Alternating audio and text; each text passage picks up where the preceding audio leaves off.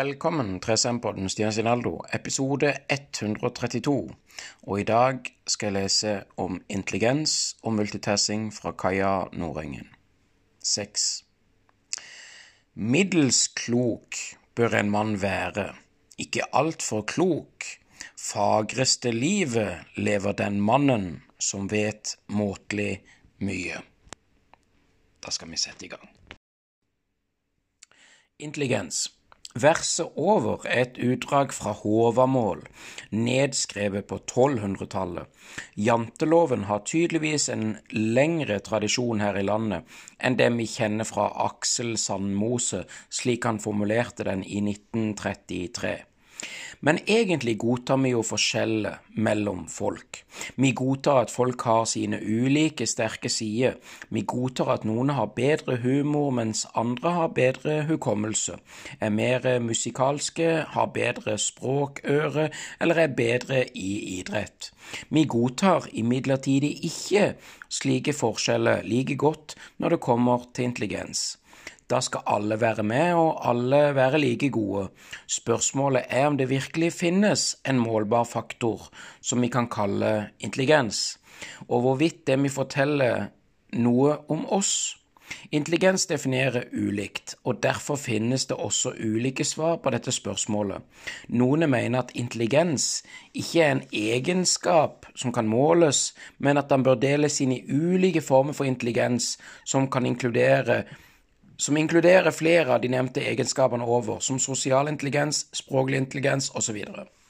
Andre mener at en slik definisjon bidrar til at begrepet intelligens uthules. Den klassiske betydningen er nemlig evnen til abstrakt tenkning, og inkluderer således ikke praktiske og sosiale ferdigheter. Resultatet av en klassisk betydning er følgelig at noen svært intelligente personer er dårlige i ballspill, mens andre er gode. Noen intelligente personer vil ha en glimrende hukommelse, mens andre vil ha en elendig. Fellesfaktoren ser ut til å være at de er gode til å tilegne seg kunnskap, løse problemet, tenke logisk. Inte mer, inte mindre.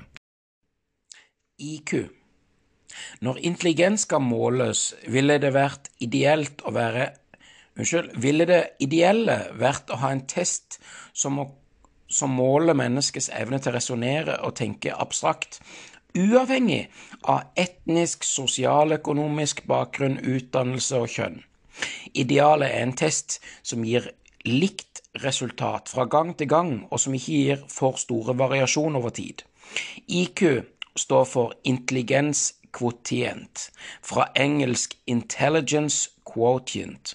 IQ er altså ikke intelligens, men målet vi bruker for å anslå en persons intelligens. Kvotient betyr ratio, og opprinnelig var IQ en ratio mellom mental alder og kronologisk alder ganga med 100. IQ beregna ikke lenger på den måten, men navnet har likevel blitt stående.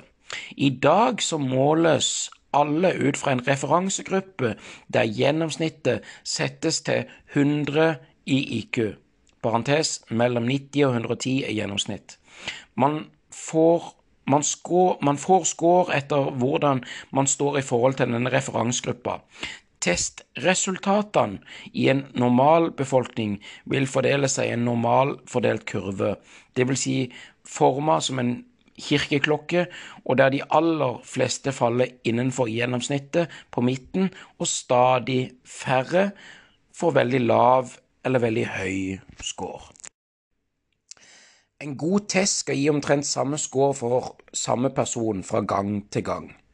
På slike tester så faller ca. 68% av normalbefolkningen mellom 85 og 115 i IQ, mens rundt 96% faller mellom 70 og 130 i IQ.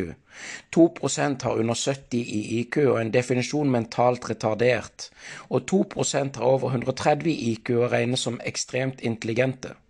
Sistnevnte gruppe kvalifiseres til medlemskap i den mye omtalte omorganisasjonen om Mensa.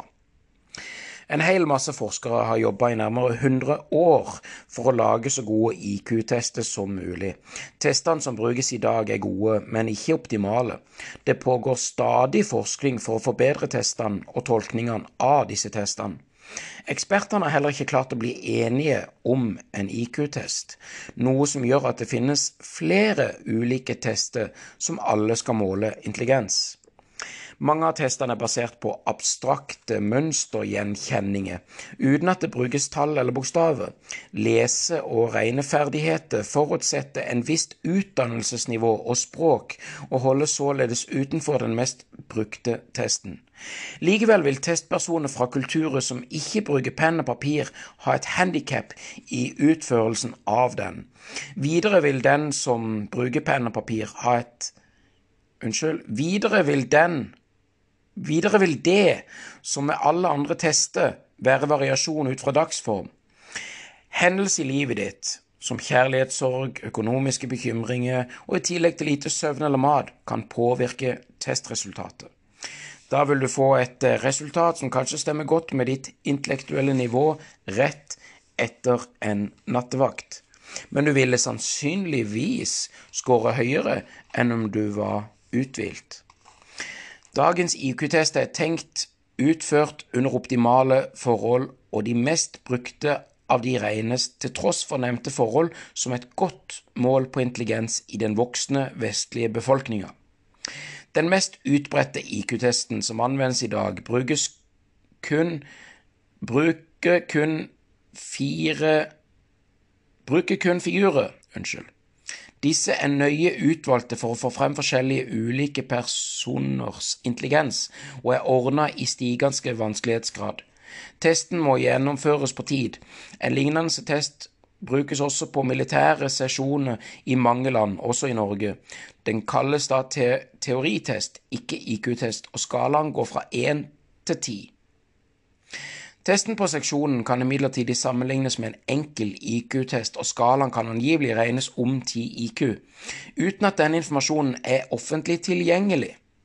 Til tross for, som, til, til tross for at bruk av IQ som mål av intelligens er mer kontroversielt, brukes IQ i medisinsk diagnostikk også i Norge. Med en IQ under 70 regnes man som nevnt som mentalt retardert, med underklassifikasjoner helt ned til IQ under 20. Dersom man har en IQ under 55, vil man være strafferettslig utilregnelig. IQ-begrepet virker altså å være allment akseptert i forbindelse med den nederste delen av skalaen. Men det er den øverste delen av skalaen som er mest diskutert, og hvorfor tåler vi ikke at bedre eh, hvorfor tåler vi ikke bedre at folk er skikkelig gode i idrett, eller noen er skikkelig gode i logisk tenkning? Kanskje er kontroversen rundt intelligens et resultat av begrepsforvirring. Høy intelligens målt som IQ er ikke synonymt med klokskap, og klokskap er et videre begrep. Det inneholder livsvisdom og kunnskap, og IQ handler først og fremst om potensialet til å lære, ikke hva man rent faktisk har lært. Hos mange kan potensialet være uutnyttet. Høy IQ, hva så? Hva hjelper det å se hva neste figur i en rekke skal være, hvis det ikke sier noe om hvor godt man husker, eller hvor god venn, foreldre eller ektefelle man er? På individuelt nivå er ikke IQ avgjørende. En kan godt finne en hjemløs mann eller dame med høy IQ og en vellykka forretningskvinne eller mann med gjennomsnittlig IQ. På gruppenivå så ser man likevel en del forskjell. Selv om høy IQ ikke er synonymt med faglig dyktighet og høy utdannelse, så er det et godt utgangspunkt. Intelligente personer ser gjerne løsninger på problemer som personer med mer gjennomsnittlig intelligens ikke ser. Det gjør veien til en god jobb, god lønn, fint hus, også et mer harmonisk, familieliv lettere.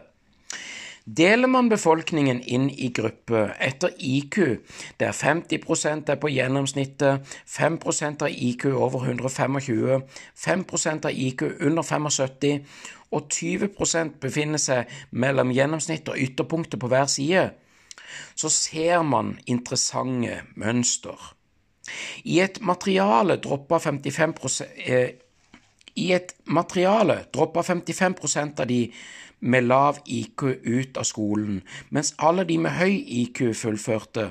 Det kan igjen være forklaringen på at 30 av de med lav IQ hadde dårlig økonomi, og kun 2% av de med høy IQ hadde det samme.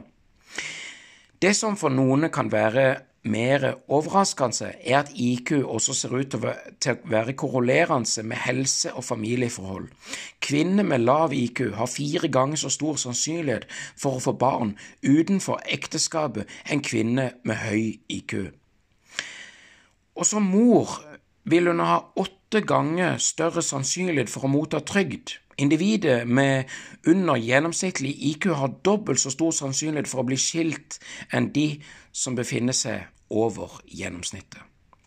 Alle har vel en gang møtt på den litt for pene gutten eller jenta man håper er litt dum fordi de virker irriterende på rettferdighetssansen vår om noen har alt. Naturen er imidlertid ikke rettferdig. Det er en sammenheng mellom utseende og intelligens. Enkelt sagt har nye studier vist at pene mennesker som gruppe er smartere enn de som er mindre pene. Og i 2011 kom det en analyse av over 17 000 britiske barn som var fulgt gjennom 16 år, mens hver av dem hadde utført 11 intelligenstester. Utseendet deres var vurdert av flere lærde uavhengige av hverandre ved gjentatte anledninger, og i samme studie ble det også inkludert at amerikanske materialer med over 20 000 ungdommer som ble fulgt i åtte år med ulike intelligenstester, og der uavhengige personer vurderte hvor fysisk tiltrekkende de var. I både det britiske og det amerikanske materialet var det en klar sammenheng mellom det å være fysisk attraktiv og det å være intelligent. Mange forskere har siden forsøket forsøkt å forklare dette. Noen mener at eh, intelligens og utseende kan være et uttrykk for den generelle helsa, rett og slett en sunn hjerne og en sunn kropp. Andre mener at sammenhengene sammenhengen er et resultat av utvelgelse over tid, og intelligente menn med gode jobber og god økonomi gifter seg med attraktive kvinner, og omvendt, fordi både intelligens og, fysi og fysikk i stor grad er arvelig, vil deres barn da bli både pene og smarte. Selv om IQ-tester kun tester oss på tilsynelatende meningsløse oppgave som å gjenkjenne hva som blir neste figur i en rekke, viser flere studier at resultatet likevel sier noe om hvordan en gjør det i andre oppgaver som krever en velfungerende hjerne.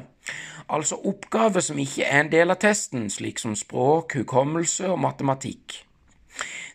Det at man likevel ser så klare sammenhenger, har ført forskere til å tenke at IQ-testet, målet, er overordna global faktor, nemlig G-faktor, og når G-faktoren testes, gjør forsøkspersonene det likt, uavhengig av om det brukes ord, nummer, rekke eller figurer, uavhengig om testen utføres muntlig eller skriftlig, individuelt eller i en gruppe. Denne G-faktoren viser seg å være den aller mest effektive faktoren for å si noe om hvordan du kommer til å gjøre det på skole eller i jobb. Og hvis vi skal konkludere, så kan vi si at IQ ikke er intelligens, men kun et mål på intelligens. Og intelligens hjelper oss opp og fram i livet, og det betyr selvfølgelig ikke at intelligens er det eneste som bidrar til dette. Da det i livet som helhet er mange faktorer som spiller inn, og igjen, dette er statistikk på gruppenivå, og hvor du befinner deg på skalaen, behøver ikke å si noe om hvordan ditt liv blir. Langskalle og kortskalle. I dag så fnyser vi av tidligere tider forsøk på å si noe om folks intelligens ut fra hodefasong. Det finnes imidlertid flere seriøse studier som har sett på en svak sammenheng mellom hodekrets som et indirekte mål på hjernestørrelse og IQ. Problemet er bare de store variasjonene i hodeskalletykkelse. Med oppdagelsen av MR har vi nå fått muligheten til å få et bedre mål på hjernestørrelse hos levende voksne mennesker. Og ekstremt intelligente mennesker ser faktisk ut til å ha en større hjerne enn de med mer gjennomsnittlig intelligens, parentes, målt som IQ, parentes slutt. Vi vet at alle om unntakene, slik som Einstein, som minner igjen om at dette er på gruppenivå. Den totale hjernestørrelsen er altså i større i en gruppe av intelligente mennesker satt opp mot mindre intelligente grupper. Det er imidlertid ikke alle deler av hjernen som bidrar til denne størrelsen, størrelsesforskjellen. Pannelappen, som jo er viktigere for nettopp logikk og abstrakt tenkning, er noe større hos mer intelligente mennesker. Det samme gjelder også for tinningslappen, som er viktig for blant annet hukommelse, og for lillehjernen, som er mest kjent for motorisk koordinering. Men som forskere de senere årene har stilt spørsmål med om, om også bidrar direkte til tankeprosesser. Mengden hvit substans, dvs. Si signalveiene i hjernen, ser ikke ut til å variere med IQ, men mengden hjernebark, altså den grå substansen der selve nervecellekropp, eh, nervecellekroppen befinner seg, gjør det. Et lignende bilde ser vi hos barn. Det er sammenheng mellom IQ og total hjernestørrelse, og sammenhengen er ekstra tydelig når man ser på hjernebarken foran i pannelappen. Det er imidlertid ikke sånn at man bare kan ha ta en hjerneskanning og forutsi intelligens og slik unngå hele kontroversen med IQ-testet. Hjernestørrelsen ser nemlig ut til å forklare kun 20% av intelligensforskjellene. Forskere over hele verden er nå i gang med å gå mer i dybden på hvordan hjernen til intelligente mennesker fungerer, og i de siste 20 årene har det stadig kommet nye studier som viser at intelligente personer bruker mindre deler av hjernebarken sin med oppgaveløsning enn personer med lavere intelligens, og nervecelleaktiviteten er rett og slett mer fokusert. Det kreves alltid stor arbeidsinnsats for å nå toppen innenfor ulike felt. Du blir ikke Marit Bjørgen av å ligge på sofaen, men det er en fordel å være født med gode lunger og en hjerne med konkurranseinstinkt. Ikke alle kunne blitt som hun, selv om de trente akkurat like mye og på samme måte. Og sånn er det med hjernen også. Vi blir født med ulikt utgangspunkt, og veien videre handler om å utnytte vårt eget potensial best mulig. Arv eller miljø? spørsmålstegn. Mesteparten av intelligensvariasjonen innen en befolkning med samme miljøbakgrunn skyldes arv. Det er heller ikke registrert noen kjønnsforskjeller, og miljøet som deles av søsken har lite å gjøre med hvilken IQ de får. Faktisk er forskjellen i IQ hele tolv poeng i gjennomsnittet mellom søsken som har vokst opp i samme hjem. Ikke langt fra de 17 poengene man finner mellom totalt fremmede mennesker. IQ-en hos adopterte barn later heller ikke til å bli særlig påvirka av familien eller miljøet de har vokst opp i, så lenge de får god omsorg. Etter hvert som de blir eldre, blir IQ-en mer lik IQ-en til deres biologiske foreldre, selv om de aldri har kjent dem. De er altså ikke økonomiske eller sosiale forskjeller mellom folk som skaper forskjeller i intelligens målt i IQ i den vestlige verden. Det ser ut til at miljøet kan virke noe inn på IQ målt hos barn, men denne påvirkningen er ikke lenger målbart etter hvert som barna vokser opp. Og IQ-testene som er utvikla i dag, er imidlertid ikke mer kulturnøytrale, og variasjonene mellom etniske grupper antas å skyldes miljø. I diskusjoner om det er arv eller miljø som avgjør hvor intelligens, har økning i gjennomsnittlig IQ over tid fått mye oppmerksomhet. Misforstå meg rett, nå er det slik at gjennomsnittet der per definisjon alltid settes til 100 IQ, så gjennomsnittlig IQ har alltid vært høyere enn i 100. Testene vi bruker for å måle intelligens, altså IQ-tester, har imidlertid blitt stadig vanskeligere, og dagens gjennomsnittsbefolkning ville ligge høyere enn 100 dersom en eldre IQ-test med eldre referanseverdier ble brukt. Fascinerende og frustrerende. Frustrerende fordi vi ikke vet sikkert hvorfor. Enkelte mener imidlertid at tendensen til økende intelligens fra generasjon til generasjon vil snu. Før var sjansen for å få barn som klarte seg helt til voksen alder, større i de økonomiske velstående delene av befolkninga. Resultatet var et tidligere tiders overklasse med høyst utdanna fikk flest etterkommere. Tendensen i dag er imidlertid at de med høy utdannelse får barn seint, og dermed også får, svær, får færre barn enn de med kortere utdannelse. Høyere IQ-score over tid kan likevel ikke skyldes genetikk alene. Miljøfaktorer må også spille inn, og de siste 100 årene har vi også sett en klar økning i menneskets gjennomsnittshøyde som uttrykk for bedre levevilkår, bedre ernæring, og dette har vært foreslått som en av mange faktorer som også kan ha bidratt til å gjøre hjernefunksjonen i dagens befolkning bedre. Andre faktorer som har blitt anslått og påvirker hjernefunksjonen, er måten vi lever på. I mye større grad enn tidligere så krever oppgaven vi foretar oss, tankekapasitet, og i mindre grad praktiske ferdigheter. Selv husarbeid nå krever at vi bruker symbolforståelse i hverdagen for å bruke de riktige vaskeprogrammene til de riktige klærne.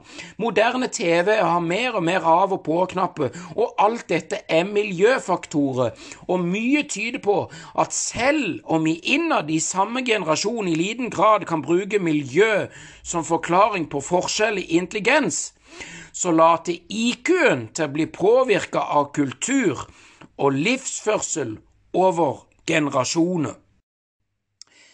Hva kan du så gjøre for å bøte på et skuffende resultat på en IQ-test? Det ærlige svaret er det ærlige svaret er ikke stort. Den individuelle IQ-en forblir som regel helt uendra i voksen alder, uavhengig av hva du velger å ta av utdannelse, eller om du blir rik eller fattig. Hvis det finnes en måte å øke G-faktoren på, så har ingen funnet den ennå. Tenk heller da på begrepet IQ-gap. Det er den forskjellen du kan gjøre med egen innsats. På gruppenivå har en sett at det er ikke lettere å lykkes med høy intelligens målt som høy IQ. Flere forskere har imidlertid klødd seg i hodet over kulturelle forskjeller innad i samme land. Kinesere, japanere og jøder i USA virker å overprestere sammenlignet med hvite amerikanere. En gjennomsnittlig amerikansk kineser med en IQ på 100 oppnår det samme i livet som en hvit amerikaner med IQ på 120. Det er altså ikke uttrykk for forskjell i intelligens, men forskjell i hvordan potensialet utnyttes. Noen psykologer deler intelligens i to. Den ene formen kaller de flytende intelligens, og det er det jeg har fokusert på i dette kapitlet. Den gir et mål på hvor godt hjernen er satt sammen, altså hvor godt den fungerer biologisk sett. Flytende intelligens er stabil i voksenlivet. Den andre formen for intelligens, som kalles krystallisert intelligens, forteller noe om hvor godt du har utnytta miljøet du er en del av. Og denne delen er så absolutt påvirkelig, og mitt viktigste råd til det vil derfor være å utnytte ditt eget potensial til det fulle. Suksessfaktor. Skolesystemet er laga for gjennomsnittet. Har man da veldig høy eller veldig lav intelligens, så faller man lett utenfor. Spørsmålet er om høy intelligens alltid er en suksessfaktor. Barn med høyere intelligens enn normalen kan ha behov for særlig tilpasning. Dersom et barn forstår en oppgave raskt, men klassen som helhet bruker flere dager på han, kan det lede til at de aller smarteste barna begynner å kjede seg og bli rastløse. På sikt så vil langsomme læreprogresjonen, og for å få utfordringer i forhold til potensialet, føre til at disse barna får dårligere arbeidsvane, noe som igjen kan lede de til å ikke nå mål de ellers kunne nådd som voksne. I tillegg så vil de aller mest intelligente barna kunne ha vansker med å tilpasse seg sosiale relasjoner. Hvis vi tenker på den opprinnelige definisjonen av IQ, der man deler mental alder på kronologisk alder, så er det ikke så rart dersom et åtte år gammelt barn med en mental alder på 13 år ikke liker like godt med sine jevnaldrende venner. Kanskje har ikke dette barnet engang noen interesse av å leke lenger. Kanskje har Håvamål rett på dette tidspunktet. De har det kanskje best, de som vet måtelig mye. For de svært intelligente voksne er det lettere å finne kollegaer og venner med samme interesse og argumentasjonsmåte blant de som har valgt samme utdannelse. En barneskoleklasse er ikke en selektert på godt og vondt. Spørsmålet er da om vi ønsker å lage en elite allerede på barneskolen der de mest intelligente barna får spesialundervisning, og forskjellene som var der fra starten av, bare blir større. Eller om vi skal legge frykten for elitismen til side og gi barna, som lærer ekstremt raskt, tilpassa undervisning, slik at barn med lærevansker får hjelp. Kunstig intelligens på et gruppenivå er det altså en klar sammenheng mellom score på IQ-test og hvordan man fungerer ellers i livet. Har du en høy IQ, er det større sannsynlighet for at hjernen din som helhet er velfungerende enn IQ-en er lav. Slik er det ikke med maskiner. Dersom vi bruker intelligens i den relativt snevre betydningen som evnen til problemløsning, logisk tankegang og abstrakt, abstrakt tenking, så er IQ-testet et godt verktøy for å måle intelligens hos mennesker. Jeg tror imidlertid ikke det er umulig å lage et maskinprogram som løser oppgaver som er typisk IQ-tester. Kanskje finnes det allerede? spørsmålstegn. Skulle intelligens måles i datamaskiner eller roboter på samme måte som hos mennesker, så ville nok en kunne Så ville en nok fint kunne lage noen av disse med høy IQ og således kunstig intelligens. Høy IQ i en datamaskin betyr imidlertid ikke at alt det andre som den menneskelige hjerne bidrar med, er på plass. I debatten rundt kunstig intelligens så utvides intelligensbegrepet til å omfatte nesten alle funksjoner som hele hjernebakken vår gir oss. Avgrensa oppgave slik som sjakk, eh, flytte mattraller på sykehus, levere ut sykehustøy, så vet vi allerede at maskiner fint kan klare dette. Kanskje så vil man kunne lage roboter som bruker trøstende ord når de oppfatter at noen gråter, men uten å kjenne medfølelse, så kan ikke denne atferden kalles empati. Det er viktig å påpeke at dataingeniører ikke kommer til å klare å lage kunstig hjerne som fungerer som vår hjerne. Til det så vet vi altfor lite om menneskelig hjerne. Det de prøver på, er å lage programmer som etterligner de funksjonene vi har erverva oss gjennom millioner av år med evolusjon. Multitasking. Vi lever i et samfunn der alt skal effektiviseres, og det er påkrevd at vi skal være aktivt til stede på alle plan i livet. Vi skal fungere i åpne kontorlandskap mens vi skriver e-post og diskuterer neste forretningsplan i telefonen samtidig. Multitasking er moderne, og multitasking er fremtiden. Eller er det det? spørsmålstegn. Ingen klarer nemlig å gjøre to ting samtidig, for hjernen kan bare fokusere på én ting om gangen. Og for å danne oss et sammenhengende verdensbilde, så må vi altså prioritere noen inntrykk foran andre. Det sørger oppmerksomheten for. Det som egentlig skjer når du tror at du får lest en rapport samtidig som du bestiller over tidsmat, er at hjernen din prøver å bytte ut raskt mellom å lese og formulere bestillingene Resultatet er at du bruker lengre tid enn om du først hadde bestilt mat og deretter lest rapport.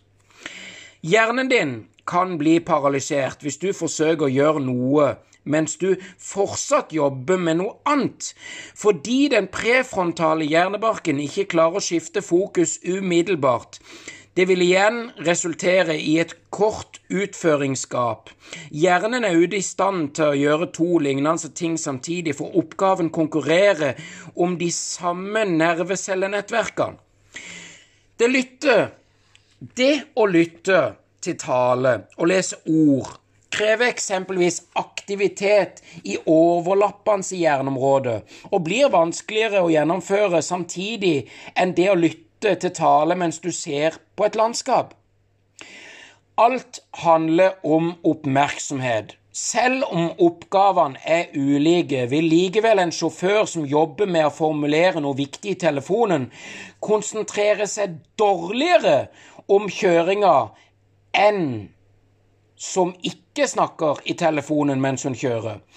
Resultatet er at mobilsnakkende sjåfører kjører like uoppmerksomt som sjåfører med 0,80 promille.